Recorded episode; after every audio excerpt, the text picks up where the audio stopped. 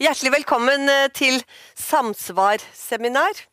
Eh, samsvar, Det er mulig at eh, mange av dere har vært på samsvarseminar før. Men Samsvar det er en arena, en kommunikasjon- og formidlingsarena som er etablert av Senter for velferd og arbeidsforskning Nei, hva nå plutselig Nei, skal vi se.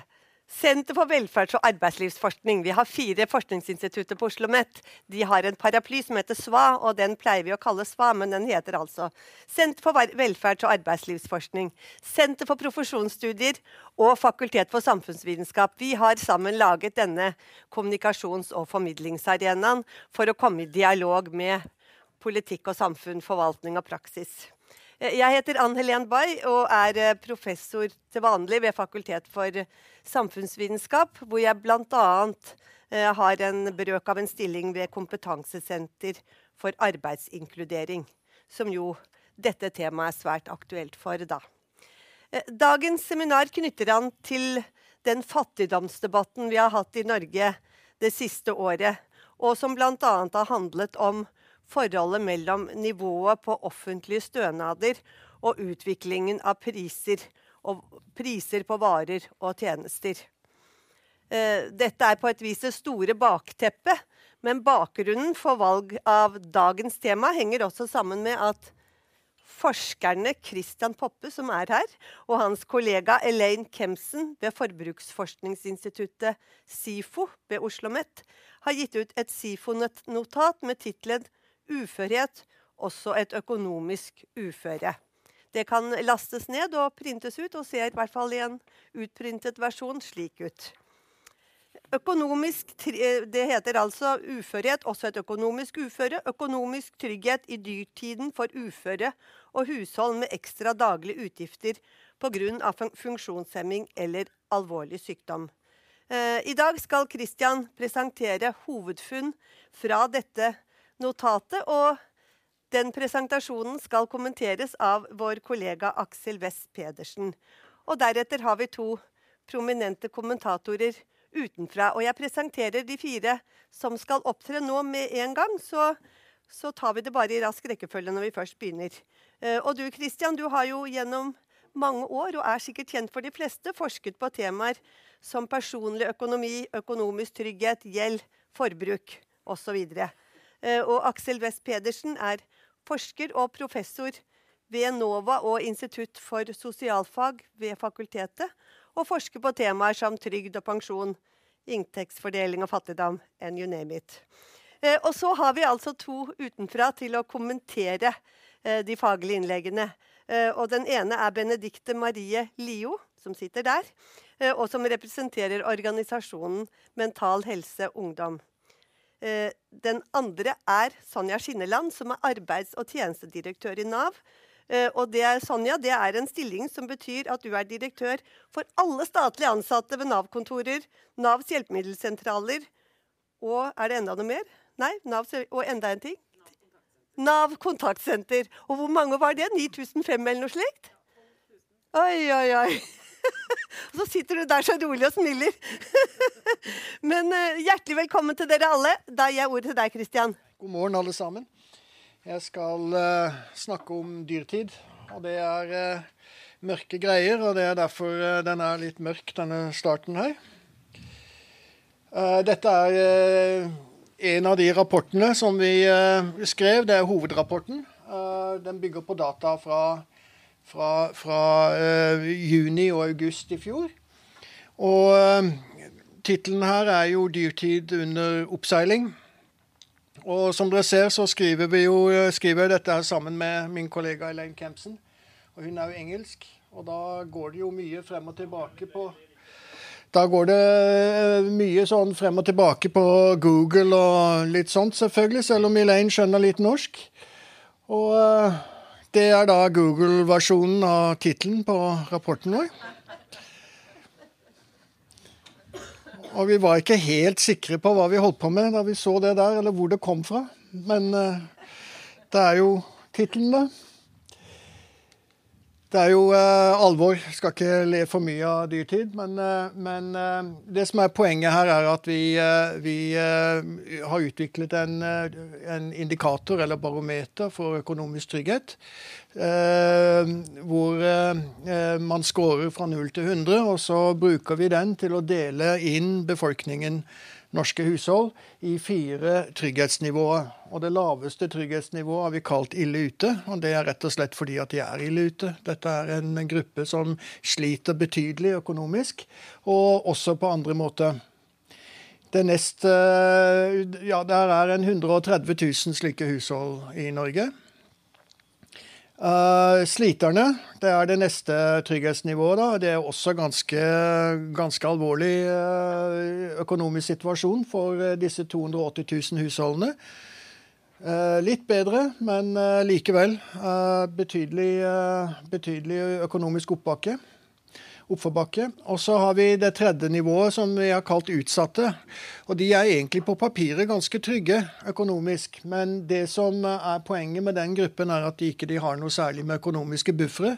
Og derfor er de utsatt for å bli trukket nedover dersom det skulle eh, skje et eller annet uforutsett, eller at vi, at vi går inn i, eh, inn i økonomisk vanskelige tider, sånn som nå.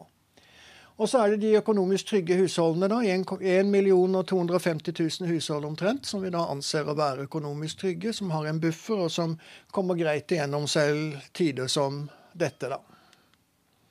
Vi har målt dette siden 2016-2017. Vi bruker 2017 som en sånn baseline. Og det var et godt år for uh, norske hushold. Uh, det var også har nær sagt høydepunktet for, eh, for forbrukslånsbankenes eh, ja, for forbrukslånsbankene. Og Vi ser i hvert fall at det året så hadde vi 65% hushold som var helt trygge. Vi hadde 28% i utsatt-kategorien, og til sammen 7 på de to nederste trygghetsnivåene. Og så hadde vi noen målinger eh, under koronaen. Vi var ganske kjapt ute. Uh, vi så noen utslag på, denne, på, dette barometeret her, men ikke veldig alvorlige eller veldig store utslag. Og Det kommer nok uh, bl.a. av at staten var veldig tidlig ute med, å, med, å, med målrettede tiltak, f.eks. overfor uh, de som ble permittert. Så i juni 2021, uh, da koronakrisen var offisielt proklamert over, så var vi helt tilbake på april 2017-nivå, med da 65% helt trygge, 28% utsatte og 7% på de to laveste trygghetsnivåene. Ett år etter det, i juni-august 2022, da hadde dyrtiden for alvor begynt å sette seg. Og vi får et betydelig utslag på trygghetsindikatoren vår. Vi ser nå at på de to nederste nivåene så har vi fått en dobling av andel hushold på hver av dem. Vi har nå 5 ille ute mot 2% tidligere, og 11% blant sliterne mot 5% tidligere. Så har vi en eh, litt større gruppe med utsatte hushold. Og for første gang så måler vi altså at under halvparten av norske hushold eh, er helt trygge.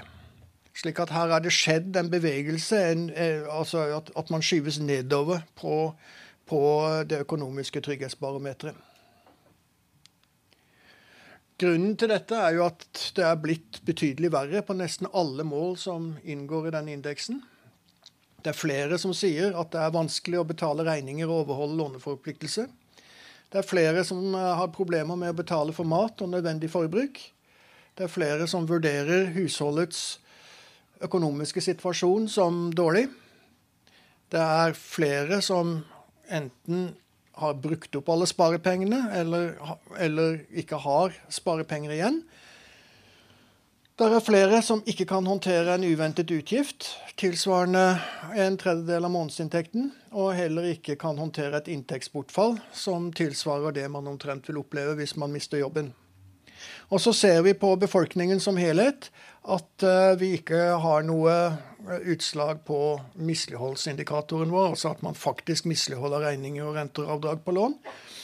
Uh, vi tror det handler om en tidslag. Det tar en stund før man har brukt opp sparepenger, før man har tatt ut det man kan på, på, andre måter å spare på. spare på strøm, på bilkjøring osv. Men jeg må jo samtidig si at i både i 2020, 2021, 2022 så ligger dette ganske høyt. Vi pleide før koronaen å ha eh, ca. 5-6% hushold som misligholder regninger og renter på lån. Nå har vi 12% og det er, et, eh, det er et gjennomsnitt, for å si det sånn, for uh, husholdene. Uh, be, ja, befolkningen for øvrig. Eller hele. Så er det da også sånn at den gruppen vi nå snakker om, det er altså de som mottar uføretrygd, enten det nå er 100% eller om den er gradert. Også I tillegg så har vi tatt inn i denne gruppen de husholdene som har ekstrautgifter til mat og strøm og drivstoff pga. Eh, funksjonshemming eller, eller alvorlig sykdom. Og denne gruppen den dominerer på de to laveste trygghetsnivåene, altså ille ute og blant sliterne. Hvis vi først ser den øverste stripa her, det er liksom populasjonen av denne uh, gruppa.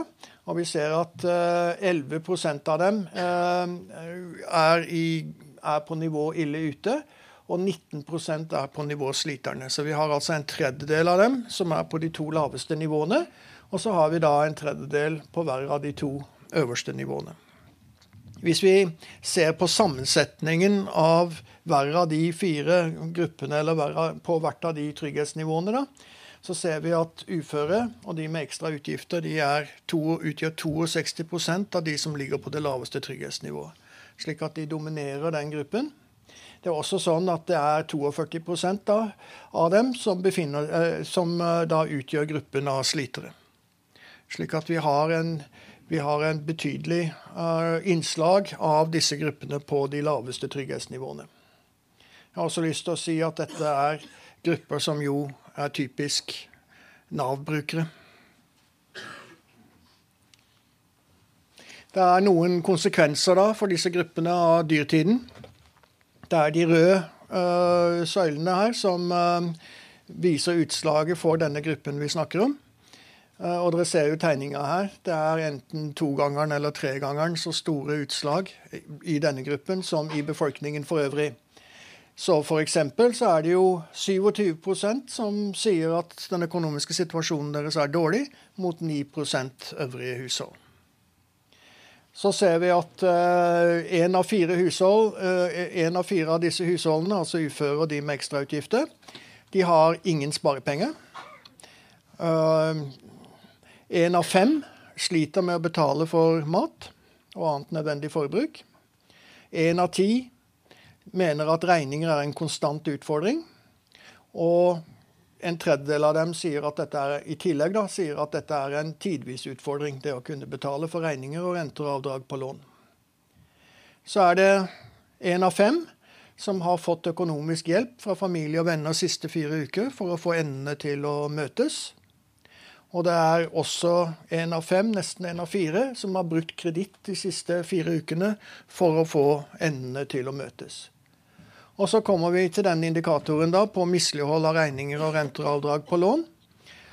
Eh, jeg sa landsgjennomsnittet her var oppe på 12% Her er det én av fire som har det eh, som en del av sin hverdag, mot én av ti i befolkningen for øvrig. Så har vi uh, gjort noen dypdykk. Uh, vi har gjort noen dypdykk på f.eks. strøm, men jeg tenkte bare jeg skulle snakke litt om mat her, fordi uh, tiden løper jo. og vi ser at 60% innenfor den gruppen vi snakker om her, har iverksatt et eller annet tiltak for å ha råd til mat. Der er 13% som sier de har hoppet over ett eller flere måltider. Det er én av ti som uh, har redusert oppvarming i boligen. Dette dreide seg om forrige vinter. Uh, der er 4% som har fått mat på matstasjon. Og der er 2% som har kontaktet Nav for å få hjelp til mat. Så er det dette med matfattigdom. Det er en uh, Altså, vi definerer det her som spor da, etter matfattigdom, ikke nødvendigvis Eh, en, en, en, nødsituasjon. Det kommer av at en av de uh, forholdene som utgjør den kategorien handler om at man har hoppet over ett eller flere måltider. og Det kan være mange grunner til det. Det er ikke en veldig presis eller veldig sånn skarp indikator. Men fordi at dette også er noe som hoper seg opp på de to laveste trygghetsnivåene, så forteller konteksten av det, eller det forteller oss at eh, det nok dreier seg om nødsituasjoner når man beveger seg ned på de laveste trygghetsnivåene. Så vi tenker at uh, hoppet over ett eller flere måltider, eller fått mat på matstasjon, eller vært på Nav for å få hjelp til mat, hvis man har gjort en eller flere av de tre delene, så, eller tingene, så uh, tenker vi at dette er spor etter matfattigdom. For landet som helhet så er 8% av husholdene der. Vi syns det var ganske øh, oppsiktsvekkende tall i velferdsstaten Norge. Uh, vi ser at når det gjelder de som er uføre eller har ekstrautgifter uh, pga. sykdom eller uførhet, så er det nesten én av fem hushold som er i den situasjonen.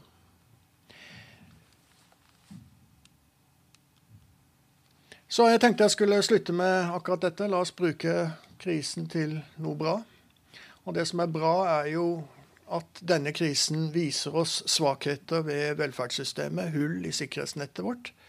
Eh, hva som skjer når ting går helt annerledes enn det vi er vant til så ser vi at det er noen grupper her som eh, ikke klarer seg veldig bra. I utgangspunktet så gir vel det stønadsnivået vi etter hvert har fått i Norge, det er ganske så akkurat. Og det gir liksom ingen buffer i forhold til en dyrtid som vi har sett de siste årene. Eh, vi bør bruke dette til noe godt nå. Vi bør bruke dette til å gå gjennom de stønadene øh, Eh, som velferdsstaten tilbyr. Vi har den beste velferdsstaten antagelig i verden, egentlig. Eh, vi var tidlig ute med strømstøtte. Eh, F.eks. De var veldig sent ute i England med strømstøtte. Uh, og det kan bli betydelig verre. I England så snakker vi om en absolutt fattigdom som er i ferd med å utbre seg. Uh, og, det er veldig kritisk i et land som England. Det er kritisk for noen her, men ikke i det omfanget. Så vi må på en måte verne om velferdsstaten vår. Det er ingen selv, selvfølge at vi har det. Uh, så har det jo vært eh, et system rundt disse stønadene, da, hvor den ene stønaden slår den andre i hjel. Så hvis man får litt mer på den ene, så er man mer eller mindre diskvalifisert, eller man får reduksjoner på andre stønader. Og man kommer da ut på likt eller dårligere, selv om, selv om man skulle få litt ekstra. Så det har vært en diskusjon før jul. Eh, det må vi gjøre noe med. Og så synes jeg jo sjøl at i kjølvannet av disse rapportene så har det jo kommet for første gang en fattigdomsdiskusjon i Norge. Og den trenger vi. Det er ikke bare ø, fattige barn i Norge. De fattige barna de bor jo selvfølgelig i fattige hushold. Og, og, og det er viktig å sette dette på dagsorden, fordi at den situasjonen som den vi er i nå, presser den type livssituasjoner frem. Så takk for meg. Ja, tusen takk, Kristian. Eh, da gir jeg ordet til Aksel. Tusen hjertelig takk. Uh, da skal jeg uh, komme med litt noen supplerende betraktninger til Kristians mer enn jeg direkte skal kommentere de funnene, veldig interessante funnene som han har presentert for dere nå. Jeg skal snakke litt mer om litt om ordningene som ligger rundt. altså Litt, litt i forlengelse av de, de temaene som, som Kristian tok opp helt på slutten. Unnskyld, jeg skal snakke litt mer inn i mikrofonen her. sånn. Uh, bare begynne med å se litt på de ordningene vi har her. sånn, hva, hva, er for, hva, er det for, ordninger vi snakker om? Uh, og da er det jo det at den, studien her den ser primært på folk som på, er på uføretrygd, supplert med noen grupper som rapporterer selv at de også har, de har uh, store ekstraordinære utgifter til, til, som følge av sykdom uh, og funksjonshemminger og sånn. Men, men, i all hovedsak snakker vi om at, at, at, vi her ser på økonomien til folk som, som, som lever av uføretrygd. Uh, og da er det sånn at uh, En oversikt over her, over de forskjellige stønadene i, i vårt system. det er klart at altså, Den mest sjenerøse stønaden vi har, det er sykepengene, som jo da gir 100% kompensasjon for tidligere inntekt. Men, men uføretrygden må også i og for seg regnes i vårt stønadssystem til å være blant de mer sjenerøse. Du får 66% av tidligere lønn, men med, en, med et ganske høyt minstenivå. Det er en, minste ytelse i uføretrygden som da kan si Det er litt, litt teknisk her, sånn, men, men for, men for enslige er den på det som heter 2,4 G er minsteytelsen i uføretrygden. 2,1 G er litt i overkant av 100 000 kroner. 110 11 000 kroner, hvis jeg husker helt riktig aktuelle G-beløpet. Sånn her, sånn, så vi snakker om en 270 000 kroner, som er, er minsteytelsen. Så kan det være noen uføretrygdede som har mindre enn minsteytelsen fordi de ikke har, øh, land har kortere botid i Norge. Øh, og så er det disse personene som eventuelt også bare får en, en gradert uføretrygd, som da gjør at man ikke får en, en, en full uføretrygd. Øh, men uføretrygden har da en, for en mer sjenerøs minsteytelse enn f.eks. arbeidsavklaringspengene, som er den ytelsen du får før du eventuelt uh, kommer over på en permanent uførhet. Jeg, også, jeg vil bare peke på at, at i og for seg så er uføretrygden relativt sjenerøs i forhold til arbeidsledighetstrygden i Norge. Arbeidsledighetstrygden i Norge er, er, er sånn komparativt sett ikke spesielt sjenerøs. Uh, den har en, en, kompensasjonsnivå på 62% men det er ingen minsteytelse i arbeidsledighetstrygden, i motsetning til de helserelaterte ytelsene her. sånn. Uh, så det hadde vært interessant å se. Nå, nå har, det, har, vi ikke så mange arbeidsledige i Norge. ikke sant? Denne uføde Uh, ratene er, er, vesentlig høyere i Norge enn arbeidsledighetsratene. Uh, og sånn sånn, skiller vi oss også fra andre land. Men, men, men, men det hadde vært interessant å gjøre gjort den samme studien også blant arbeidsledige, eventuelt blant uh, sosialhjelpsmottakere. For jeg, jeg, tror nok at da, da, snakker vi om grupper som har, er enda mer ille ute, for å si det sånn, enn en de uføretrygdede. Uh, og når de uføretrygdede i, i, tallene til Kristian da dominerer, eller en veldig, utgjør en veldig stor andel av de som er ille ute eller, eller, som sliter, så er det fordi dette er også veldig store grupper i utgangspunktet. sånn at, uh, at jeg tror nok at, at, noen av de andre gruppene her vil du finne veldig sterkt konsentrert også i, i, de, i de, mest utsatte gruppene der. sånn. Så jeg bare også si at eh, altså, disse eh, Stønadsnivåene har i og for seg over de siste la oss si, 20 årene vært relativt stabile. Det er ikke sånn at vi i Norge har liksom har, hatt veldig kraftige innstramminger i f.eks. I, uføre, i vårt uføresystem. Det var en stor reform i 2015 hvor uføretrygden ble lagt om etter andre prinsipper, men i all hovedsak så er så, så, så var sjenerøsiteten i systemet blitt videreført, selv om man gikk bort fra å utmåle uføretrygden som om det var en slags alders, førtidig alderspensjon. Uh, dette var et resultat av i og for seg pensjonsreformen. Sånn at det var ikke noen veldig stor innstramming. Det er én viktig innstramming som har kommet de siste årene. Det er det at, at du, hvis du er ufør og, og, samtidig har barn og får barnetillegg Det er ganske store, relativt store barnetillegg i uføretrygden, men da ble innført det da man for noen år siden et tak, sånn at du selv når du har barn, så så, og du fikk barnetillegg på toppen av en uføretrygd, så kunne allikevel ikke uføretrygden overstige 95% av den lønnsinntekten du hadde før, før du ble ufør. Uh, så har det vært en innstramming også i de senere årene på arbeidsavklaringspenger, med at yngre, med, med at uh, personer under 30 år ikke lenger får full minsteytelse, men får en, en lavere minsteytelse i arbeidsavklaringspengene. Men den gruppen er ikke med i Kristians uh, undersøkelse. Sånn. Så skal jeg litt, gå litt videre. Så kan jeg si at altså, hvis vi da hvis vi ser de uføretrygd sammenligning med andre utsatte grupper, som f.eks. arbeidsledige og sosialhjelpsmottakere, og sånn, så må man si at de, de i realiteten nok hvis, har egentlig noe bedre gunstig økonomisk posisjon. De har høyere inntekter enn in, in, in, de uføretrygdede enn disse andre gruppene. Men så er det det at de uføretrygdede er i en permanent avhengighetssituasjon. Deres tilstand, muligheten for, for uføretrygdede til eventuelt å gjøre noe med dyrtiden ved å jobbe litt ekstra eller, eller, eller tilpasse seg på andre måten er jo helt begrenset. Og sånn sett er det en gruppe som, som det er ekstra grunn til å være, være bekymret for. Det, det må ses i sammenhengen. Jeg bare skulle vise, For å begrunne det, det jeg sa før, så her er det der noen, eh, tegne inn noen fattigdomsrater blant ulike grupper i det norske samfunnet uh, over de siste årene, målt ved hjelp av dette helt standard EU60, vi kaller det teknisk, altså som, jeg sier, du er fattig hvis din husholdsinntekt per forbruksenhet er under 60% av medianinntekten i samfunnet for øvrig. Og der ser man at Den øverste blå linjen det er sosialhjelpsmottakerne eh, med, med, med, med, fattigdomsrater i, i, overkant av 60 eh, den, den, den, røde linjen, nei, den gule linjen helt nederst der, det er befolkningen som helhet. og Vi ligger da i Norge en, med fattigdomsrater rundt 10% målt på denne måten her. sånn. Eh, så har vi eh, alderspensjonistene, som er den røde linjen. og da kan vi si at alderspensjonistene faktisk har lavere fattigdomsrater etter hvert nå enn befolkningen for øvrig. Så, så som gruppe så kommer alderspensjonistene relativt godt ut, må man si.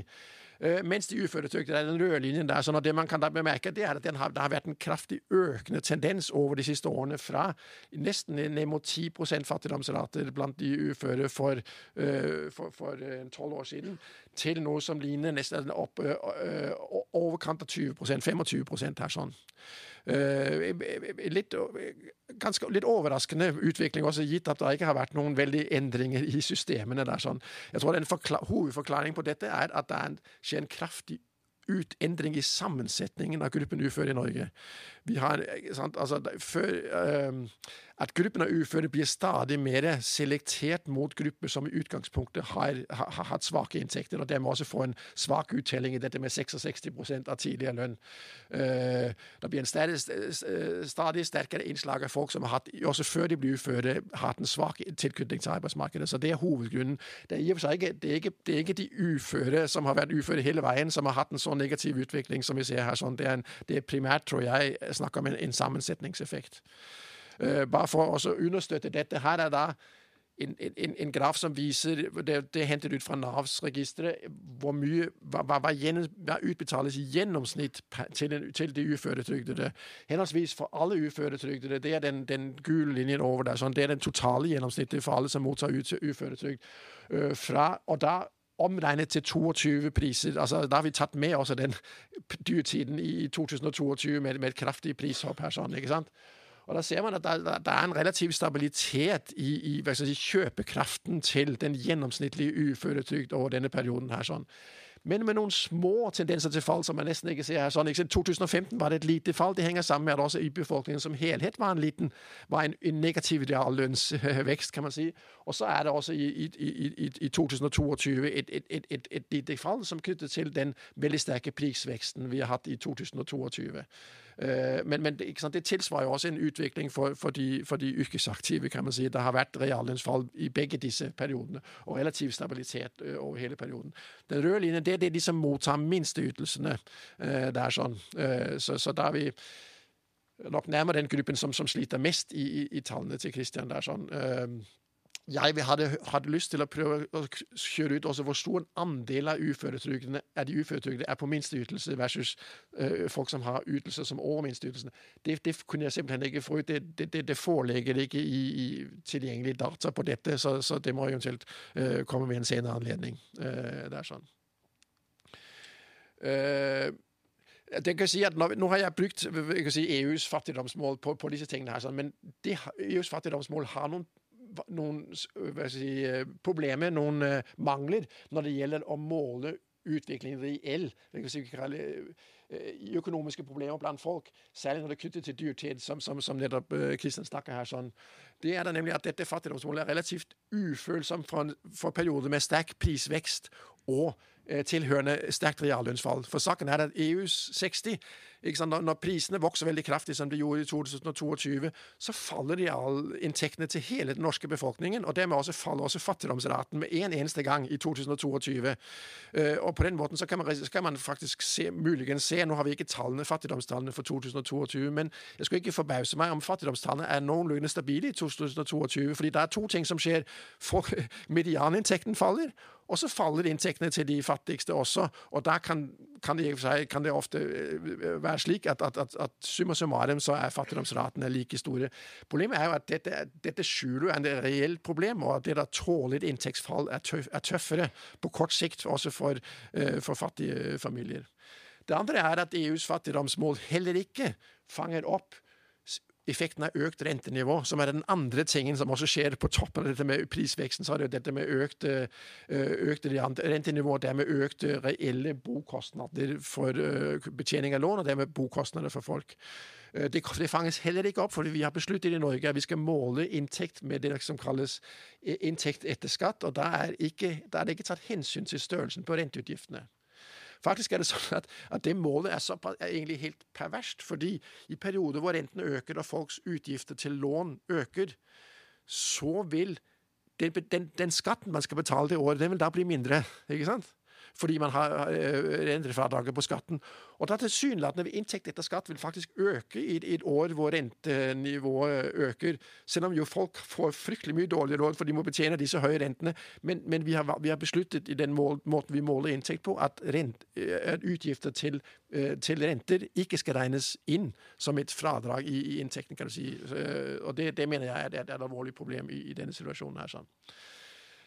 Så har løper tiden fra meg her, sånn, men jeg, jeg, jeg, bruker et par minutter til.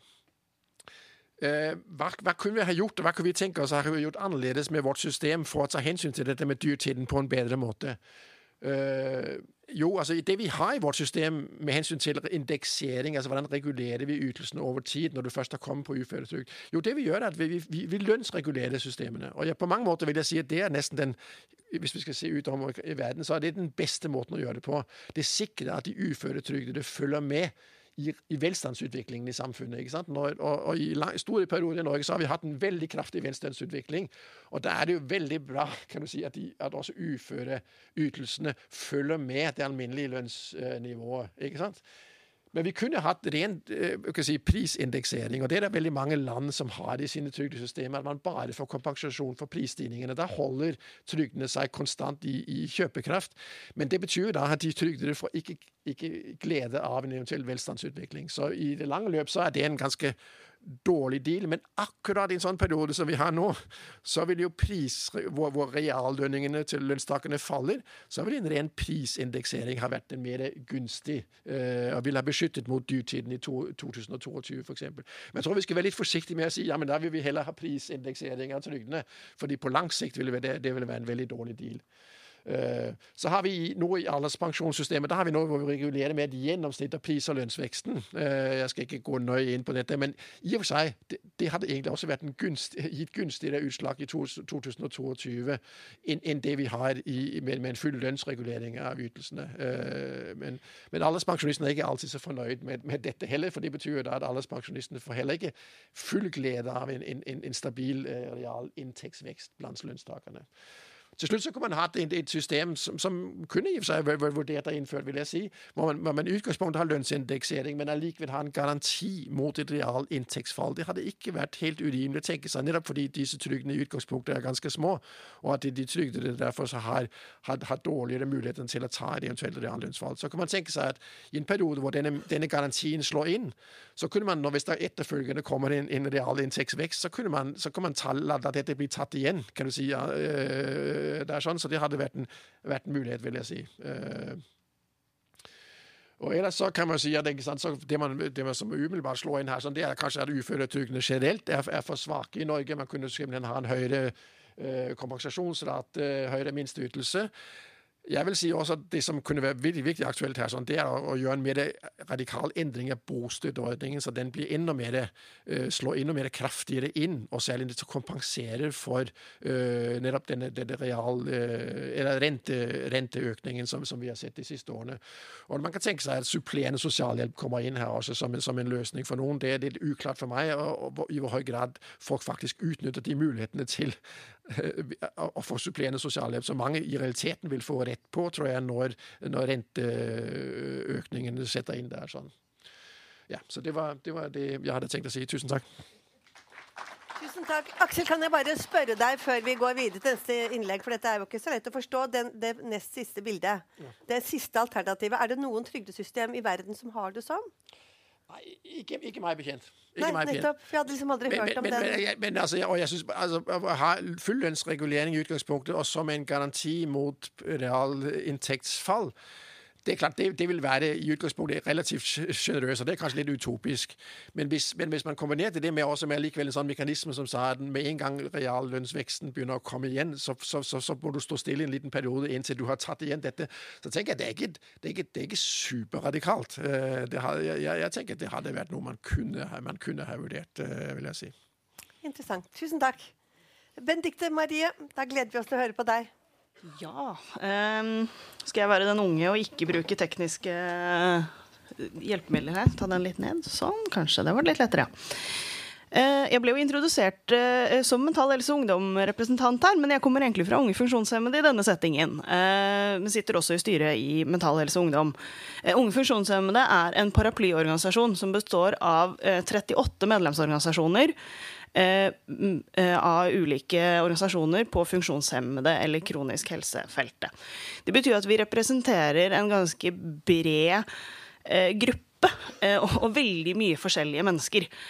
Felles for disse er jo at alle i en eller annen grad har en helseutfordring som medfører økte kostnader.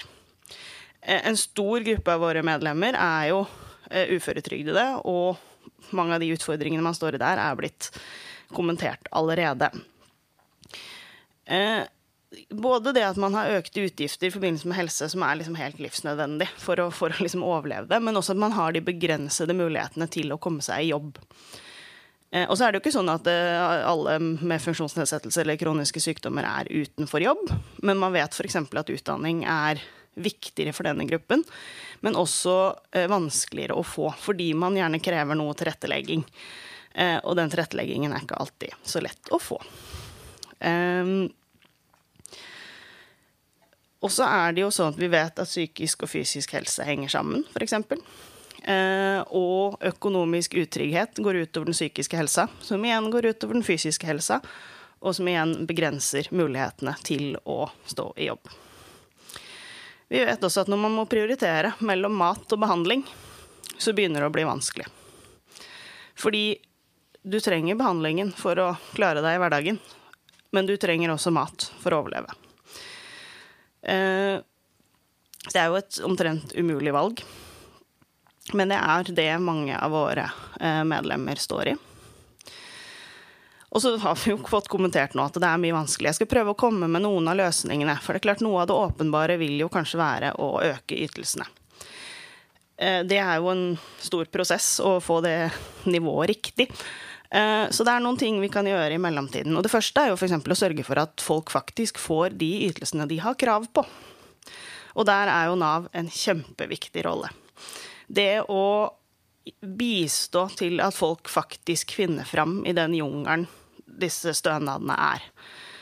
Eh, jeg har hørt kommentaren før at det er omtrent en 20% stilling å forholde seg til Nav. Fordi at det er så komplisert og vanskelig. Eh, og dessverre så må man noen ganger drive hele prosessen sjøl. Jeg har selv stått i en arbeidsavklaringssituasjon hvor eh, det var jeg som måtte mase på min veileder for å få i gang tiltak. Eh, så det at Nav i mye større grad kan ta en koordinerende rolle og bistå til å sørge for at folk slipper å jobbe 20% for å få de ytelsene man har krav på, tror jeg er kjempeviktig. Og så ble det også nevnt her det at det er jo sånn at en del ytelser slår hverandre i hjel.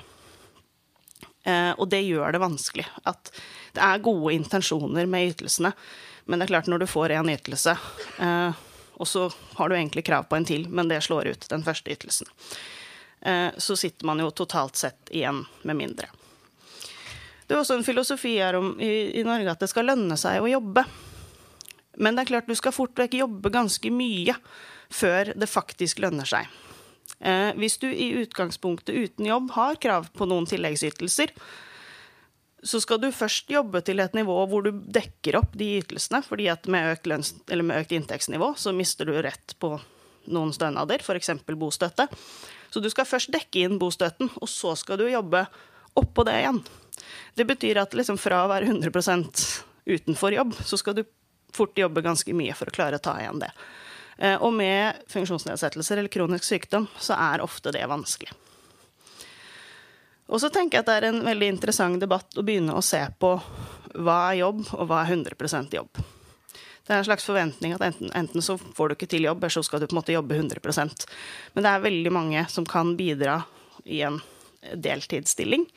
Og det hadde vært interessant å få til det i mye større grad.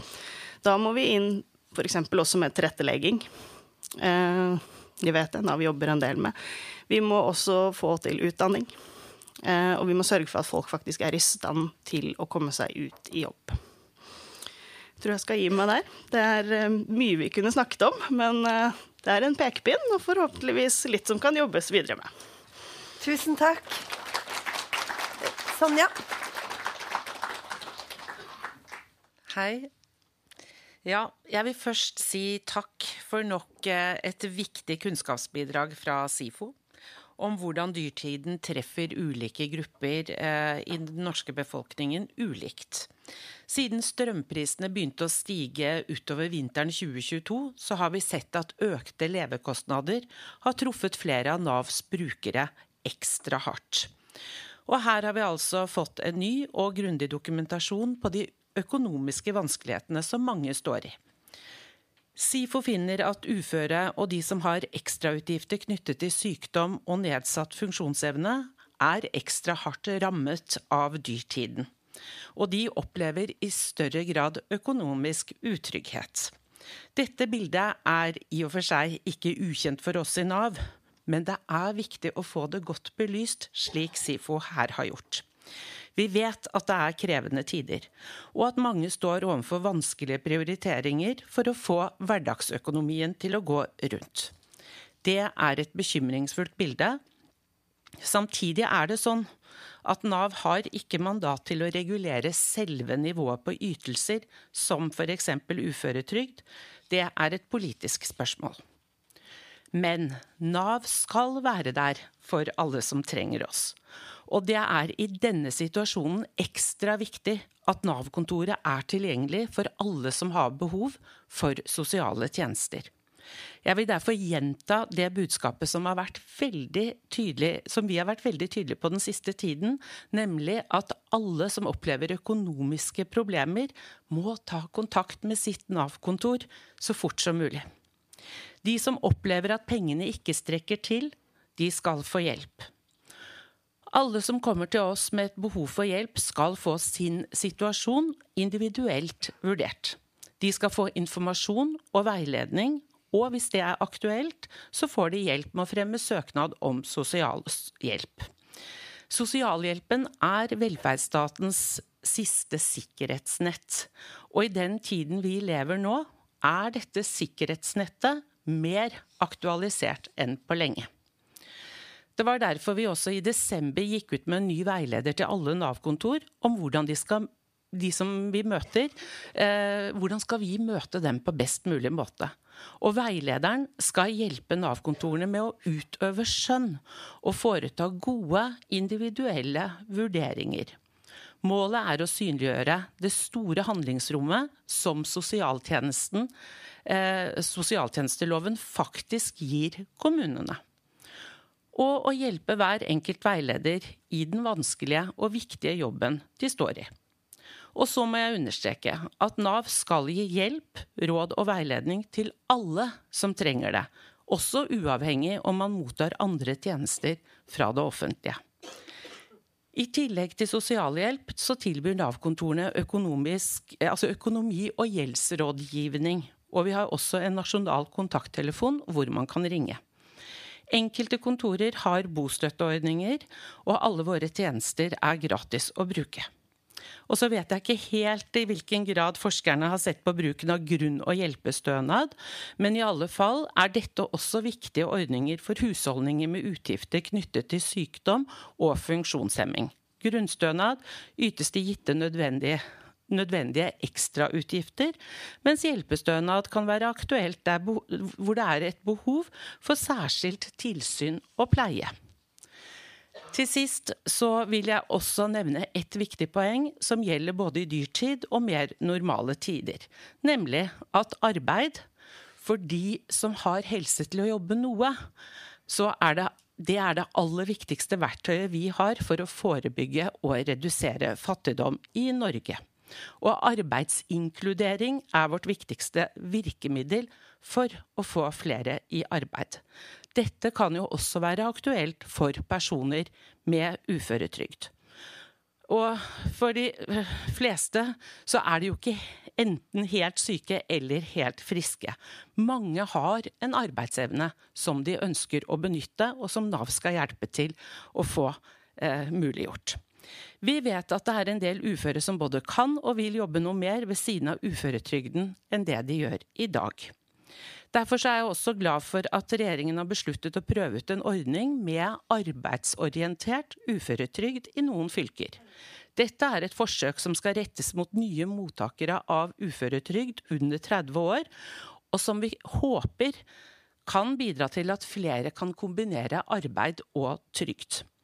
Det vil kunne øke livskvaliteten for de det gjelder. Igjen Takk for et viktig bidrag. Jeg ser fram til å diskutere mer med dere om tematikken her i dag. Du kan bare bli, Sonja. Tusen takk, Sonja. Det var fire bidrag fra forskjellige vinkler. Det er klart det jeg kunne ønsket meg nå, det var i hvert fall fire politikere som vi jo da kunne konfrontert med de avveiningene som vi har fått illustrert at vi står overfor. For dette er jo mye dette handler jo mye om politikk. Og som du sier, Nav eksempel, kan ikke skru opp ytelsene etter eget forgodtbefinnende. Det må jo på et vis ligge i bunn. Men vi må, vi må, diskutere med de vi har her, og da ber jeg alle dere fire komme opp. Flott. Eh, da tenker jeg at vi begynner med en liten diskusjon oss imellom, og så er det også muligheter for å komme med spørsmål og innspill og kommentarer fra salen. Det er jo noe av vitsen med slike arenaer for utveksling. Eh, men jeg ville begynne med deg, Christian. Altså, hvilke tanker gjør du deg etter at du har hørt uh, kommentarer på, di, på, på dine uh, funn uh, fra forskjellig ståsted? Ja, det var jo en del her. Um, altså Den ene er jo, er jo stønadsnivå og realinntekt og alt det der. Og, og um, um, det som er noe av problemet med denne EU60-greia, er jo at det, det, er i forhold til lønn og ikke i forhold til uh, forbruk. Altså re, det reelle kjøp, den reelle velferden som kan kjøpes for de pengene. Og, og, og det som er med dyrtiden, er jo at, uh, er jo at uh, prisene løper mye raskere enn en inntektene. Og du, du, får en sånn en skjevhet introdusert i husholdsøkonomien pga. det. da. Og, og det, der ligger det en sånn kjerneproblem. Og så uh, tok jo du opp dette med gjeldsrådgivning og økonomisk rådgivning og sånne ting, og det har jeg jo sett mye på i andre, i andre sammenhenger. Og det vi sitter med bl.a. i disse dager, er jo, eh, er jo 40, nei, 30 intervjuer med folk som ikke har fått noe særlig hjelp av Nav, og som vi nå begynner å publisere på. Og Det som er eh, en hovedutfordring sånn rent generelt, uten å gå dypt inn i dette, det er jo at Nav må håndtere ganske sånne komplekse livssituasjoner. Og der, eh, der eh, møter også Nav på problemer. Og eh, det er altså sånn at uh, i denne kanskje særlig ille utegruppa, så, så er det folk som går i tiår etter tiår uten å få løst økonomiske problemer. Og noe av det som er mest kompliserende, det er jo når det er uførhet og sykdom inne i bildet. Fordi at uh, da, det, da, stilles disse økonomiske rådgiverne overfor et, en kompetanseutfordring. For de har faktisk ikke eh, kompetanse til å stille um, Han nær sagt uh, ikke diagnoser, men, men, men, å kunne forstå folks helsesituasjon og livssituasjon der og da over bordet. Og, og, internt i Nav så er det en utfordring altså, å få det samarbeidet der til å, til å gå litt på tvers. Um, og der tror jeg det ligger, ligger mye, da. Så um, er det jo da fra uh, unge uføre her Jeg var også på det som heter FFO, som er funksjonshemmedes Fellesorganisasjon. Og det, der, der, jo, der, var det jo ganske mange ulike organisasjoner representert. Og, og, det som jo ligger litt i denne gruppa her, er jo at de har ulike eh, og spesielle eh, behov for f.eks. strøm Altså oppvarming, varme bad, den type ting. De har behov for et utstyr som normalbefolkningen ikke har. Og, og, og behov for transport.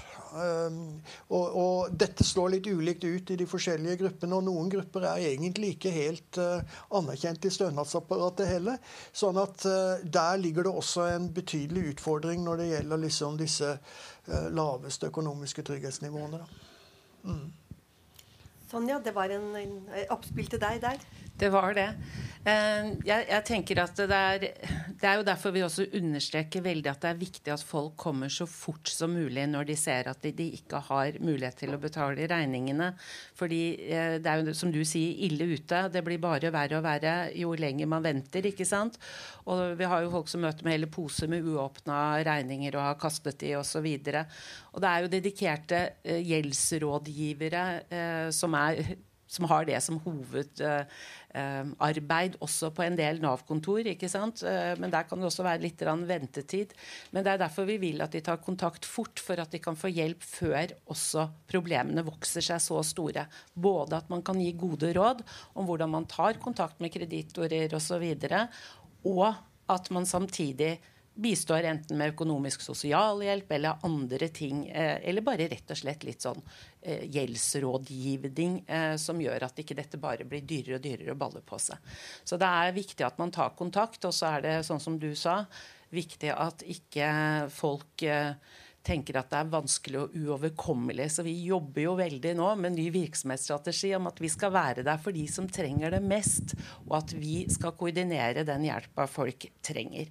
Så det jobber vi med nå, og vi ser jo det bare tydeligere og tydeligere at det er det folk trenger.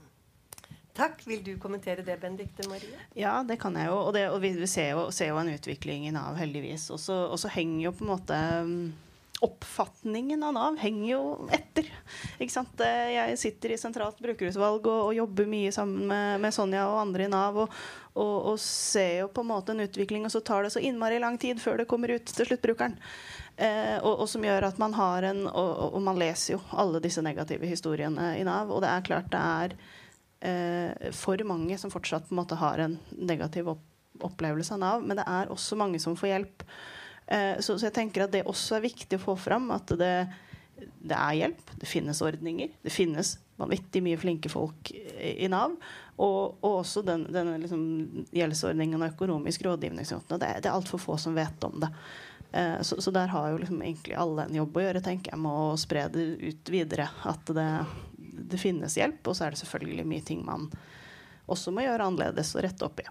Uh, og, og en, en, utfordring vi ser, er jo at um, det er jo ikke alle i Nav som vet om alt Nav driver med.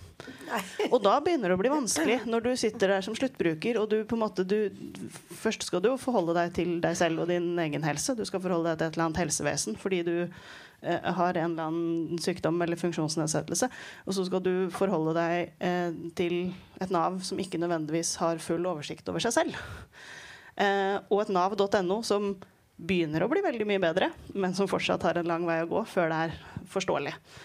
Eh, så, så, det er jo noe av den oppfordringen kommer av. Det, det, at man som bruker i hvert fall kan slutte å koordinere sine egne tjenester og få mye mer hjelp av Nav til å koordinere. Og at det er Nav som egentlig har rollen med å vite hva de kan tilby, og hva brukeren faktisk kan få av både eh, økonomisk hjelp og, og praktisk hjelp. Nettopp. Takk. Eh, ja, Sonja, du ville svare?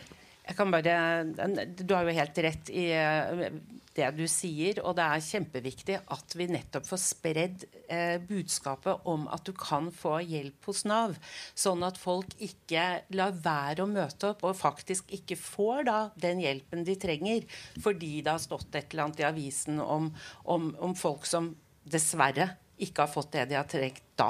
Men vi lærer hele veien. Vi blir bedre. Også i alle fall på økonomisk rådgivning og gjeld og den type ting. Det er jo den kommunale delen av Nav-kontoret sitt ansvar. Det fins på alle Nav-kontor. Så det, om de ikke kjenner til alt vi har i Nav, så kjenner de i hvert fall til dette. Det er kjernen i sosialtjenesten, og det finnes ved alle Nav-kontor. Så man må komme og be om hjelp. Det er eh, det viktigste budskapet. Takk. Uh, ja, når du sier altså, du, er inne på uh, Nav er ikke bare Nav. ikke sant? Og, og med rimelig vis så kan man ikke vite hva som foregår i hele Nav når man selv eh, sitter i en del av det som ansatt. jeg lurte på, Er det noen av disse problemene vi ser med hensyn til ja, kanskje det man kan kalle underforbruk. At altså, det er noen ytelser der ute som, som ikke blir, ta, blir benyttet fordi at det kanskje ligger et ansvar De er forvaltet på et annet ansvarsnivå, f.eks. Dette med forholdet stat-kommune. Altså, ser man noe er det, er det, noen vanskeligheter Sonja, knyttet til partnerskapet, som f.eks. kan bidra til det vi, det vi kaller underforbruk innenfor uh, trygdeforskningen? Jeg tror jo kanskje det som har blitt kommentert her i dag av alle tre her, er jo mer det at eh, hvis du får eh, økte rettigheter til noen ytelser, så har du nådd et tak som gjør at da har du ikke rettigheter til de andre ytelsene. Fordi at det er klart, Har du uføretrygd, så er det normalt også å kunne vurdere om man trenger grunn- eller hjelpestønad. Og, eh, og, at man har supplerende sosialhjelp, er det jo mange som har også som har uføretrygd. Så jeg, jeg tror egentlig ikke det er det, men jeg tenker at de som trenger kanskje økonomisk sosialhjelp og supplerende stønad, ikke nødvendigvis uh, søker eller ber om det, og at det er viktig at Nav også kartlegger de behovene den enkelte har, og ikke minst vurdere barnas behov. Fordi det eh, er det viktig at man ikke glemmer. At når folk da faktisk lever med dårligere inntekt, så er det viktig å vite om barna har et vanlig liv og kan delta i aktiviteter uavhengig av foreldrenes inntekt. Og Det er det viktig at både alle vi i Nav, men også alle andre er klar over, sånn at man kan vurdere det, og at man ser på barnas behov. Nettopp. Aksel, jeg lurer på om du vil kommentere noe av dette? Nei, altså jeg må bare supplere her. sånn at altså, Hvis det er et sted hvor det er antagelig er underforbruk som vi ikke helt kjenner til, så er det vel sosialhjelpen.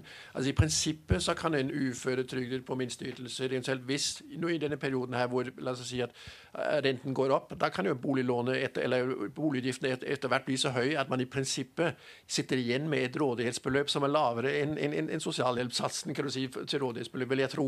Og der er ikke helt, altså jeg, jeg, jeg kjenner ikke til undersøkelser av dette, men det, det, jeg vil mistenke at det, at det ikke alltid at vedkommende blir, blir, blir, varslet om det. kan du si at Å, nå, nå, burde du egentlig, nå hadde du egentlig krav på å, å, å, å få supplerende sosialhjelp. men det, det, Jeg vet ikke om, om, om, dere har sett på det. Men, men det er jo det med problemet med sosialhjelpen med, og underforbruk det er jo det at sosialhjelpen er veldig en skjønnspreget ytelse. ikke sant? Og Derfor så er det heller ikke opplagt hva som er, når det er snakk om et underforbruk, og når, når vedkommende i realiteten ikke har, ikke har, krav på noe. Fordi det, om, om, du har krav på noe, er ikke noe som den enkelte i og for seg selv helt klart kan bedømme på forhånd. Det er vanskelig å vite har jeg i denne situasjonen jeg er i nå, øh, rett på i og for seg en supplerende sosialhjelp. Nja, det vet man ikke riktig før, før, før, før man har vært inne, inne og spurt. Der, kan du si. Så jeg, jeg, vil tippe at det er ikke helt ubetydelig underforbruk av sosialhjelp i Norge. Men det avhenger litt av igjen, altså fordi, eller, eller, Å anslå størrelsen på dette er litt vanskelig, fordi eh, ytelsen i, i prinsippet er skjønnspreget. og Derfor så vet man ikke helt når, hva man egentlig har krav på. Takk. Kristian? Ja, jeg har bare lyst til å uh, føye til her at um, altså Økonomisk sosialhjelp Vi har jo blitt kontaktet uh, av folk. Og, og, en sånn greie med dette er jo at Nav er et byråkrati. Og det tar tid å, å få uh, økonomisk sosialhjelp innvilget. Det skal gjøres en vurdering, og det stilles en god del krav til dokumentasjon. Og når man da i dyrtiden kommer inn døra og egentlig mangler mat, og, og, og sliter med, syk, med sykdom i tillegg, så, så, eh, er dette her med å forholde seg til et uh, byråkrati på den absolutt siste skansen, som jo uh, supplerende sosialhjelp er, uh, det er ganske tungt.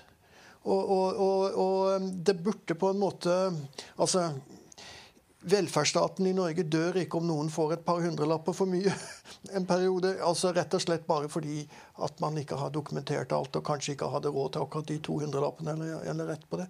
Så jeg synes på en måte at Nav i, denne, i den situasjonen vi er i nå, burde gjøre det enklere for folk som er på det laveste trygghetsnivået, altså de som er virkelig ille ute å kjøre her, at de kommer lettere til bordet.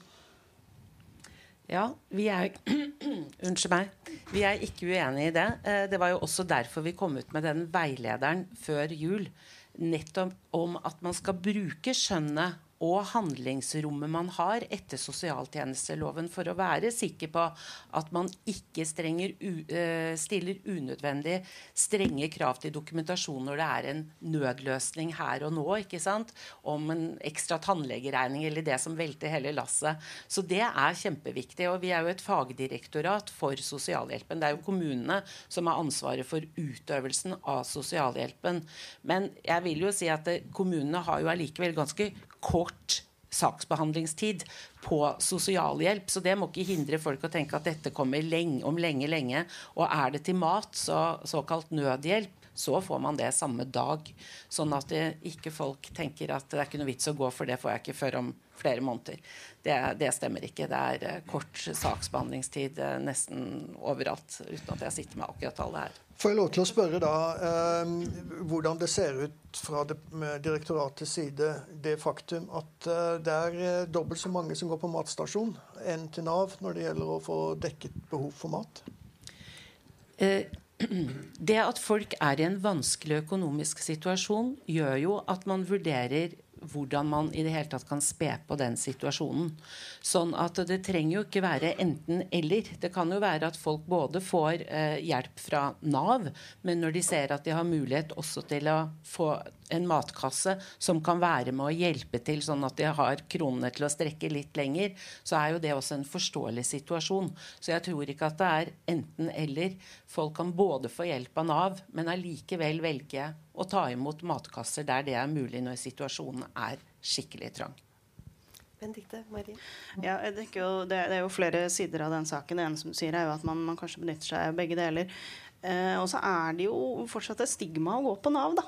Eh, altså det, det, å bare eh, befinne seg i nærheten av et Nav-kontor kan være en vanvittig høy terskel for mange. Eh, og, og, det er jo dessverre sånn at eh, folk som, som, får ytelser fra Nav, fortsatt blir stempla som late og udugelige, og som ikke gidder å bidra i samfunnet. Eh, men så vet jo vi at de, de, som får ytelser fra Nav, er jo som regel aldri late. Det handler om at man har et behov for, for hjelp i en eller annen retning. Eh, og så kan man jo eh, snakke om tilgjengelighet eh, til Nav. Hvor tilgjengelig er Nav? Får man tak i folk på kontoret? Det er en utfordring at mange opplever at de ikke får tak i Nav. Det kan være fordi åpningstidene er for korte. Fordi Nav-kontoret ligger for langt unna. Det er for vanskelig. Du har, du har ikke råd til den bussbilletten for å komme deg til Nav. Eh, det kan være fordi man har uh, ulike uh, funksjonsnedsettelser som gjør at syn, hørsel, sånne ting er vanskelig. Det er vanskelig å finne fram på nav.no, enten fordi man ikke ser, eller fordi man ikke har kognitive evner til å lese det som står der. Og det er lang ventetid på, oppleves som lang ventetid på kontaktsenteret når man prøver å ringe inn. Og alle dette er jo barrierer som gjør at det er vanskelig å be om den hjelpen man, eh, man egentlig har rett på. Uh, og, det jobbes heldigvis med det, uh, men vi har fortsatt en uh, litt for lang vei å gå. Ja, jeg, tror, jeg, er helt enig med deg. Og det er kjempeviktig at Nav jobber med den tilgjengeligheten. Og det har vi jo holdt på med også i hele høst, både kommune og stat sammen for å sikre bedre tilgjengelighet. Og så er det som du sier, det har blitt mye bedre, men vi er fremdeles ikke helt i mål. Og det er viktig at Nav oppleves som tilgjengelig for alle de som trenger oss. Uh, og så er det jo dette her med det stigmaet som du nevner. Én ting som, i hvert fall for de som er digitale eller kan få hjelp til å benytte seg av digitale verktøy, så ser vi jo at det å kunne søke om sosialhjelp digitalt, og ikke måtte møte på Nav-kontoret, har senket terskelen for en del eh, brukere. Og det tenker vi er veldig bra. Og så skjønner jeg at ikke alle kan bruke det, men for mange så har det kanskje gjort at man tør å søke. Eh, og det syns jeg er veldig fint. Takk. Jeg tror jeg henvender meg til dere som er her. Er det noen av dere som har spørsmål som jeg ikke har stilt, eller uh, kommentarer? Nå skal vi se. Ja, nettopp. Og da, da, ja, og da er det deg først. Uh, da er det fint om, uh, Og så er det Anne etterpå som jeg kjenner navn til. Men dere jeg ikke kjenner navn til, det er veldig fint om dere sier hvem dere er. Og kanskje hvor dere kommer fra. Halvard der først. Foran Anne. Hvem skal først? Å oh, ja. Ladies first. Anders Skjevik Rødam heter jeg, forsker på Institutt for samfunnsforskning. Jeg bare Et kort, helt konkret spørsmål til Kristian. Jeg antar at de dataene du presenterte her med disse fire gruppene, og sånt, at det er basert på spørreskjemaundersøkelse. Og da er det jo et problem i alle spørreskjemaundersøkelser at det er veldig vanskelig å fange opp innvandrerbefolkninga. Og det, det, er jo en gruppe der altså fattigdommen er relativt høy, også på den litt utilstrekkelige måten som vi måler det på nå. Så jeg bare lurer på i hvilken grad er, har dere klart å få innvandrere med i undersøkelsen deres? Og hva tenker du om eh, i hvilken grad den undersøkelsen kaster lys over deres situasjon? Er det grunn til å tro at det kanskje står enda dårligere til enn det, enn det dere finner, hvis dere hadde fått med også den gruppa? Jo da, det er nok uh, riktig det at uh, det er en svakhet ved, ved, det designet vi har. Vi bruker Gallups uh, panel. Og det er jo klart at mange av de som står i matkøen, det er jo ukrainere og flyktninger. ikke sant? De som har kommet nylig til landet, og som har det verst. Slik at, eh, slik at det, er noe, det, er noe, helt opplagt at det er en gruppe vi ikke fanger. Og så er det jo da alltid et spørsmål her om eh, Altså vi har litt problemer med å fange opp egentlig um, innvandrernes situasjon, rett og slett fordi at det er så få av dem i utvalget her. ikke sant? Sånn at, og, og, det er en forskjell på um, første generasjon og andre generasjon. ikke sant? At andre generasjon klarer seg bedre enn første generasjon. Sånn at um, det, er, det, er, noe som vi ikke har, uh, har uh, egentlig fokusert nok på, sikkert. Sånn at uh, Det er vanskelig i en survey i det hele tatt da, å, å, å, å, få dette ordentlig frem. Takk. Da var det neste. Ja. Uh, mitt navn er John Ogumbono. Uh, jeg er her for meg selv uh, som en avdanket sosialøkonom. Og så er jeg her for å representere en god del grupper afrikanere. Jeg representerer Afrikan Forum her i dag. Uh, jeg vil takke Christian for de empiriske uh, data som du har fått frem. Takke deg, Christ, uh, Aksel, for kommentarene som du har kommet med. Og ikke minst Beate, um, Benedicte for de kommentarene som du har kommet med. Jeg kan ikke si noe mer enn det du har gjort. Uh, det som er poenget for meg, er at jeg representerer ganske mange sammensatte grupper afrikanere de som er uføretrygdede, de som er pensjonister, de som er syke osv. osv. Når det gjelder Nav, så har jeg ikke så mye å si med enn det som Benedicte har sagt. Dere har ganske store utfordringer som dere må prøve å løse. Du har snakket veldig godt for deg selv, men det blir noe annet når man kommer til de forskjellige kontorene rundt omkring i, i hele landet. Og det har jeg fått fra mine folk at det er ikke noe vits å gå til Nav, for du får ikke noe derifra. Men jeg håper, ut ifra det du har sagt, jeg vil ta det med meg hjem og fortelle mine folk om at disse tingene kommer til å bli bedre. Uh, til slutt så har jeg et ønske. Kristian og Aksel, kan dere sende oss de tingene, eh, transparentene som dere har, på, har vist oss? Fordi jeg trenger det. Jeg satt her og hørte hva dere sa, men jeg så ikke det som sto på tavla. eller noe sånt. Så det har blitt ønsket. Takk for meg. Takk. Vil dere kommentere? kanskje? Litt? Ja, jeg kan jo bare uh, kommentere litt. Altså, vi har jo, uh, Du skal selvfølgelig få uh, overhead-plansje.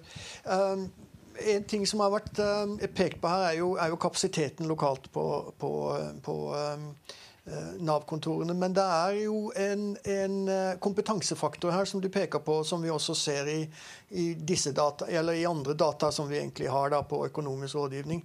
At, at, den er ganske varierende når det gjelder det å håndtere økonomi. Og de lokale eh, kontorene har litt forskjellig policy eh, på dette. Eh, sånn at der er det en viktig variasjon. Det er også en variasjon når det gjelder de som, altså den kontakten som oppstår mellom de som jobber og brukeren som kommer inn døren. altså at der, der er, der er, Vi ser at når brukere bytter Nav-kontor, så skjer det et eller annet. Enten i positiv eller negativ retning, fordi at det er en ganske sånn personavhengig relasjon når du er så sårbar som du er når du tross alt kommer til Nav. Um, sånn at um, ja, og så er det jo i tillegg at ulike kommuner kan ha litt ulik policy når det gjelder sosialhjelp og sosialhjelpbudsjettet. Og Det er også en, en variasjon her. Og at, og at um, folk på Nav-kontoret kan ha ulike instruksjoner, vil jeg tro, på, på um, hvor lett og ledig de, um, den sosialhjelpa egentlig sitter. Så jeg syns det er ganske viktig det du sier. Og, og, og um, der har nok også Nav en del å, å, hente. Ja, og her vil jeg jo si at uh, her må man jo også henvende seg til kommunen og legge også inn klager. For det, det, det her er det jo ikke, som du sier, det er jo en skjønnsvurdering. Så her er det jo hvis kommunene skjønnsvurderer for strengt i forhold til utmålingene til brukerne, så tenker jeg det er viktig med serviceklager til Nav-kontoret, og at dette kommer på kommunedirektørens bord. Og så får de ta vurderinger der. Kan jeg få lov til å bare skyte inn der at Vi har jo intervjuet folk som har gjort akkurat det. Og det å klage på Nav er jaggu ikke lett, altså. Eh, og det er også sånn at eh, vi ser vel egentlig at det er en ganske sånn uh, uklar gråsone grense mellom det å klage og det å bli oppfatta som en varsler. Og hvis du blir oppfatta som en varsler, så, så kan du fort uh, komme negativt ut, for å si det sånn. Så vi har noen intervjuer på det òg. Så det er litt sånn uh, Dette er jo ting som man bør være oppmerksom på kanskje i noe større grad enn det, man, det ser ut til i våre intervjuer at man er noen steder. Benedikte? Ja, og der tenker jeg jo i samfunnet generelt at vi eh, kanskje skal begynne å snakke om tilbakemeldinger. For jeg vet at folk er redd for å klage, og det får ofte de, de sier litt sånn negative konsekvenser å klage, og man blir liksom oppfatta som en varsler og syter og sånt noe. Men, men, at man eh, legger til rette for, og, og, det ser jeg jo også at det, det, er jo flere og flere tjenester både Nav og andre steder som i større grad legger til rette for liksom korte undersøkelser. Sånn, da er du fornøyd med dette.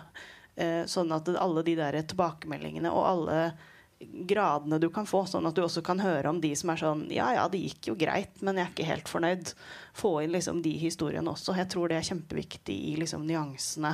Og å kunne gjøre også små justeringer før, før, man må ta de store justeringene fordi at den retningen har uh, gått litt feil. Da. Takk. Uh, ja, Sonja? Nei, Jeg vil understreke det du sier. At det er så viktig at folk faktisk eh, klager. Altså Vi har lagt opp serviceklager på, eh, i Nav på statlig side. Så er det jo hele rutiner hvor dette nå, altså hvor man passer på at dette ikke bare går til den enkelte som har gjort et eller annet som er feil, eller som man må undersøke om er feil. Men det går også til lederen for at man skal bruke det i læringsøyemed. Hva er det vi kan gjøre bedre? Hva er det som treffer? Hva er det som gjentar seg nettopp for for å bedre dette. Det går til fylkesdirektøren. Sånn at det, dette er kjempeviktig fokus for å lære. Og så er det klart at det er noen ting som kommunen har ansvaret for, og da er det viktig at man sender det til kommunen, sånn at de får jobbet videre med de sidene ved, ved tjenestene som folk ikke er fornøyd med, og som man opplever som urettferdig eller feil eller uh, ikke bra nok. Så det er uh, Nei, ja. Det er uh, sikkert forskjeller, og det er ting man må bli bedre på.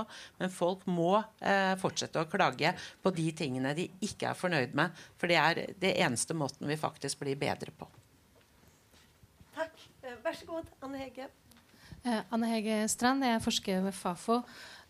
veldig interessant diskusjon. Men jeg var litt opptatt av den presentasjonen til Aksel på slutt der, fordi du la litt opp til å kommentere eh, systemet vi har for å få ulike trygder. Eh, og så lurte jeg på om du liksom hadde noen kommentar, for det er jo åpenbart noen systemsvikt i forhold til å Sånn som dere snakker om med skam og at det er vanskelig å møte opp, vanskelig å klage, vanskelig å forholde til Nav. Men så har vi også et system med disse trygdene. Er det sånn jeg vet at dette er veldig random kommentar fra en som selv forsker på trygd. Men hvis jeg liksom eh, har vært en gang på en skobutikk og kjøpt sko, så plutselig så får jeg et tilbud om at oi, du skal ikke ha en ny en. Eh, nå er det vår. Eh, liksom, er det noen tanker liksom, rundt at man etter hvert burde liksom, bruke mer eh, artificial intelligence og screene liksom, og så, liksom Altså Istedenfor at den, du, du, sier hele tiden fra Nav her at dere må komme til Nav, må komme tidlig nok. Burde Nav komme til deg? på en måte, altså Burde man liksom tenke mer nytt? Eh, altså Man sørger for at man bruker informasjon som er tilgjengelig for å liksom tilby ytelser. Er det helt eh, random? Jeg tenkte det var litt interessant å høre hva Aksel syntes om det. Aksel, du får begynne. ja, altså, det, det, var litt vanskelig spørsmål. Jeg, jeg er ikke sikker på jeg, Personlig jeg har litt sånn, reagerer litt sånn, intuitivt mot sånn, tanker om at initiativet skal flyttes fra den enkelte over til systemet. At det er systemet som skal eh, på en måte oppdage når du har behov. og sånn. Altså, jeg jeg syns det er litt flott at, er et, at, du er et individ som kan shoppe litt rundt, og som kan, uh, kan si, definere om du har et problem, og så, og så, og så går til systemet. og ikke, At det ikke er en eller annen algoritme som, som, varsler deg eller si, den andre veien. Altså, hvis det var det du, Jeg er ikke sikker på om jeg forsto helt hva du mente der, sånn, men, men, men, men uh, jeg, jeg, er litt, jeg, er litt, skeptisk til det. Altså, jeg tenker at vi, vi, vi, fortsatt må ha en, eller, en situasjon hvor, hvor det, er, det, er, den enkelte individet som, som, som eventuelt definerer sine behov, og som, og som og undersøker om det er, er det en ytelse her som passer til eller som dekker det behovet jeg har, og ikke, og, ikke initiativet går motsatt. Men det, men det, det, ja, det, det er mulig at det var litt misforstått. Jeg tenker jo at uh, dette selvfølgelig blir, blir, en vanskelig balansegang hvor vi liksom både skal ta hensyn til personvernet, uh, men, men, også den enkeltes behov. Og, og jeg har jo uh, noen gang sagt at det, jeg ønsker meg i hvert fall på nav.no en litt sånn andre som har kjøpt dette produktet, har også kjøpt. Det finner du i alle sånne nettbutikker. Andre som har søkt på denne ytelsen, har også søkt på. Kan dette være aktuelt for deg? Eh, og det handler ikke, ikke, nødvendigvis om at folk vet så innmari mye om meg, annet enn at nå har jeg levert en søknad på et eller annet. Um, men, men man, det er så vanvittig mye informasjon der ute, og det er så innmari mange eh, tilleggsytelser og enkelttjenester man kan ha rett på når man er inne i Nav-systemet. Uh, og, og, som jeg nevnte, altså Når ikke engang Nav selv har oversikt over alt de driver med, hvordan skal vi ha oversikt uh, da? Uh, så en litt sånn i, kanskje spesielt inne på nav.no, hvor du eh, kan liksom få opp noen overskrifter og kanskje liksom klare å, orientere deg litt selv. 'Å ja, men kanskje jeg har råd til, eller lov til å søke på dette. Kanskje jeg kan søke på dette.' Uh, det hadde vært interessant å se på. Aksel må få kommentere igjen. Kommentere inn, inn uh, en episode som jeg var utsatt for for noen år siden. Altså jeg, jeg, var interessert i å vite hva er, hvordan ligger det an med sosialhjelpssatsen i Oslo. Fordi Oslo følger normalt Jeg har ikke historisk helt fulgt de statlige veiledende satsene, så Oslo har sine egne. Og Da prøvde jeg å søke på Oslo kommunes hjemmeside. Jeg fant aldri, jeg fant dem ikke. Og da viste det seg, altså Jeg visste de hadde vært der før, men det var en periode nå, altså for et par år siden hvor simpelthen Oslo kommune ikke lenger hadde lagt ut de veiledende satsene for sosialhjelp. Og jeg jeg tenker Det er litt symptomatisk at det er, sånn, det er en slags implisitt måte å, å, på en måte begrense etterspørselen. Det er ikke, ikke, ikke gjøre det veldig klinkende klart for borgerne hva, hva, egentlig, hva folk egentlig har krav på. Uh, så det ble litt uh, nå, nå, ser jeg at nå er, Oslo kommune har lagt ut disse igjen, så nå, nå er det, det, ikke helt sånn. Men ja, altså, det er jo litt sånn med sosialheten at en av de måtene hva skal man si, eller Sosialhjelpen virker litt på en måte at den, den begrenser, eh, begrenser, etterspørselen etter seg ved hjelp av litt uklarhet og, og, manglende informasjon ut mot borgerne. At folk skal ikke helt være sikre, vite hva de har krav på. Og på den måten så får vi ikke altfor mye tilstrømming. og det, det, det, er litt sånn sosialhjelpen fungerer, vil jeg si. Men, men så kan det altså, nå, Oslo kommune legger ut den informasjonen nå, så, så, så det har jo heldigvis hjulpet. Takk. Tonja, du får følge opp dette. Ja, Det spørsmålet som kommer fra Fafo, jeg opplever jo at det er et uttrykk for at eh, sant, det kan være komplisert. Sånn at eh, kan det være måter hvor man faktisk blir påminnet om ting, og at det kommer eh, mer informasjon, sånn som du sier, på en enklere måte. Og det er jo en av de tre hovedambisjonene vi har for Nav 2030. Altså Det ene er at vi skal hjelpe de som trenger det mest. Og det andre er at folk skal få pengene sine enkelt og forutsigbart. For vi forstår at det kan være en brokete, uoversiktlig vei, og vi ønsker å gjøre det tydeligere. Samtidig så er selvfølgelig mange sånne varsellamper på eh, det som er push-varsler og den type ting. Men at ting kan være mer tilrettelagt, bedre informasjon. Har du husket på påminnelser om at du kan se på ting. Det er det vi driver også og jobber med digitalt uh, nå. Og så uh, til, til, slutt akkurat det med Det er viktig at de veiledende satsene som kommunene forholder seg til, det er kun veiledende satser. Det er ikke størrelser som man har rettigheter til. Man skal vurdere individuelt. Og for noen sin situasjon så kan det jo være at de har behov for mye mer enn det som er akkurat den veiledende satsen. Så det er vel kanskje grunnen til at det er litt ulikt på hva de viser og ikke viser. Det vet jeg ikke. Da var det noen her, og da blir det den siste kommentaren. Vær så god. Eller spørsmålet. Whatever. Vær så god. Uh, jeg vet ikke om jeg har der. Ja, du er på. Er jeg på? Ja, ok. Jeg bare kaster meg litt inn her. Jeg er litt sånn uh, Jeg forsker på, på Niber og syns uh, tallene til Kristian er veldig interessante. Fordi at uh, det gir på en måte en litt sånn friskt hva skal jeg si, for det, en empirisk blikk inn på hvor mye, eller et mål på hvor mye folk sliter når, når makroøkonomien går opp og ned. Litt utover det man får av, av relativt fattigdomstall. Jeg syns den debatten her er veldig interessant. Men det er jo veldig mye på liksom Nav-systemets hva skal man si for noe kronglete Eller kanskje kanskje ikke alltid like brukervennlige løsninger. Men jeg syns det mer overordnede spørsmål som Kristians undersøkelse reiser, er jo liksom hva er det Nav har å jobbe med? Er disse ordningene godt nok dimensjonert? Eh, godt nok utformet nettopp til å kunne henge med i svingene når man ser såpass sterke svingninger i eh, makroøkonomien som man ser nå. Eh, veldig ukarakteristisk høy økning i inflasjon, som jo selvfølgelig treffer de med minst eh, veldig hardt. Så det er jo på en måte en litt sånn systemtest. da. Her ser vi plutselig et veldig stort utslag, og det er interessant. Og det fanger jo Kristians undersøkelse mye bedre opp enn det hva EU60 gjør, da, som Aksel var inne på. Uh, så jeg synes det Mer enn hvor, det, hvor, godt Nav jobber, så syns jeg også uh, uh, det er jo Hva har de å jobbe med? Hva, hvordan skal man designe disse ordningene? Og, og, da synes jeg jo, På en måte kan man jo se hele, hele Nav-systemet som et litt sånn dilemma, et, et råsiansk dilemma mellom å gi insentiver til produksjon, arbeidslinja, og, og man skal ikke rigge for mye med, med, den. Samtidig så skal man løfte de som, er i, som har minst. Og, og finne den balansegangen eh, da tenker jeg Kristians undersøkelse er veldig interessant. Og det reiser også spørsmål om man kan finne kanskje enda mer presise virkemidler til til å fastslå hvor, hvor ille har de på bånn egentlig, og, og, og, og uh, hvor, hvor, godt er systemet vårt? Hvor mye har vi å gå på uten at vi på en måte tukler for mye med arbeidslinja? Altså, det var bare en løs betraktning, kanskje ikke et, et, direkte spørsmål, men det er jo et spørsmål som henger litt i luften, da, tenker jeg. Uh, uh, og som jo er kanskje et litt for stort spørsmål til å ta nå på tampen. men ja. Altså jeg inviterer gjerne tilbake igjen til en mer prinsipiell diskusjon om uh, sosialforsikringssystemet og inntektssikringen, uh, den offentlige inntektssikringen i Norge. Så hvis noen vil ha meg til å være ordstyrer på det neste gang, så, så sier jeg ja.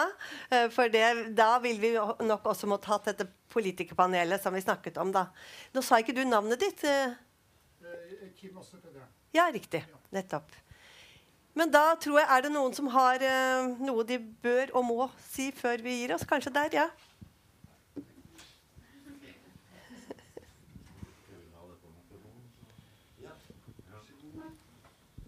Takk. Uh, Bjørn Kristoffersen heter jeg. Generalsekretær i Handikapforbundet. Um, det, det, her er jo veldig interessant, men jeg tenker at det er et perspektiv som jeg gjerne skulle hatt belyst uh, mer, og som kanskje er et annet forskningsprosjekt, og som vi har, har uh, savna litt. Og det er jo merkostnadene som følger ved det å ha en funksjonsnedsettelse eller, eller en kronisk sykdom, hvis det er det det er, er snakk om. For vi opplever vel litt at når man skrur på ytelser og på tjenester og på alle ting, løpende over år, så glemmer man litt at, at 1 pluss 1 pluss 1 pluss 1 plutselig blir et ganske stort fall i disponibel inntekt for de gruppene som vi representerer. Og skal du oppnå likestilling, ja vel, så er du nødt til å kompensere for de merkostnadene folk har. Sant? Strøm blir nevnt som altså, oppvarming. Det kan være klær, det kan være uh, egenandeler på tjenester, det kan være hjelpemidler som forsvinner fordi det regnes som dagligdags uh, nå, og du må kjøpe det sjøl. Så det ligger en helt sånn utrolig bredt spekter av kostnadsnivå her som ikke helt dekkes opp ikke sant, når man uh, holder på med det her. Sånn at hvis, uh, hvis, man får ønske seg et tyngre forskningsprosjekt, så tenker jeg at uh, det å se på de faktiske merkostnadene til en del grupper er viktig. Og så kunne man jo ønska seg, og det, det, kan kanskje noen av dere svare på, at man så litt på hvordan det um, fungerte da man økte dagpengene under koronakrisa. Jeg jobba med det da og jobba for, for, SV på Stortinget da og var med i de forhandlingene. Eh, der fikk man jo økt dagpengesatsene. Hvordan ville det sett altså En litt sånn kontrafaktisk øvelse på det hadde vært um, utrolig, utrolig interessant. Og så har man jo nå fått justert uh, barnetilleggene både for uføre, uh, uh, dagpenger og arbeidsavklaringspenger fra, fra, og med i år. Så det blir jo interessant å se om det er smått ikke sant, fra 27 til 35 kroner og fjerna det taket på barnetillegg for uføre. Men ja, jeg, jeg, tipper at det vil slå litt ut, så det hadde vært interessant å, å se på. Men uh, forskning på faktiske merkostnader hadde vært Ja, takk. Da må vi ta det som en oppfordring. Jeg vet ikke om dere, en av forskerne har noe veldig veldig kort å si til det? Nei, altså, jeg tenkte skal vi ikke avslutte? Eller? Jo, det er det vi skal. det vi skal. Så det var bare, Nei, altså, det var bare én setning? Uh, bare, bare, til det og til det Kim sa. Altså, altså det, det, beste jeg kan tilby der, det er jo på en måte akkurat altså Det har vært grunnen til at vi spurte om konkret om um, til hva man har ekstrautgifter til. Altså strøm og drivstoff og Ikke sant. Eh, og, og, og vi har utvidet det. Vi har en, altså vi har en ny server ute nå, og, og, vi har utvidet det repertoaret. da. Men det er jo ikke det samme som å, som å um, gå inn på konkrete ekstrakostnader knytta til ulike typer av av funksjonshemming. Da. Så er, det er jo en god prosjektidé. Uh, når det gjelder Kim her, så, så synes jeg at uh, du trekker opp uh, to the point. Og, og um, det eneste jeg hadde lyst til å si, var jo at på denne FFO-konferansen så var jo Nav-direktøren til stede. Og han hadde en sånn en Altså, han forsvarte seg på en, på en måte som Altså, han innførte et skille mellom politikk og Nav. Og, og, Nav skal levere innenfor de politiske rammene. Og, og, og det var det uh, han snakket om.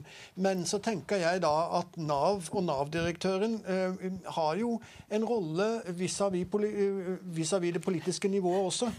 Det går ja, det, Jeg tror ikke vi kan trekke opp den debatten nå, fordi at tiden er i ferd med å løpe ut. Og, det er, det, er, et interessant innspill. Dette er jo forhold mellom administrasjon og politikk. Altså ja, jeg bare tenker at Nav kunne på en måte fortelle litt om fattigdommen som de ser nedover i organisasjonen sin. Det gjør vi. Vi har fattigdomsrapport også. Ja.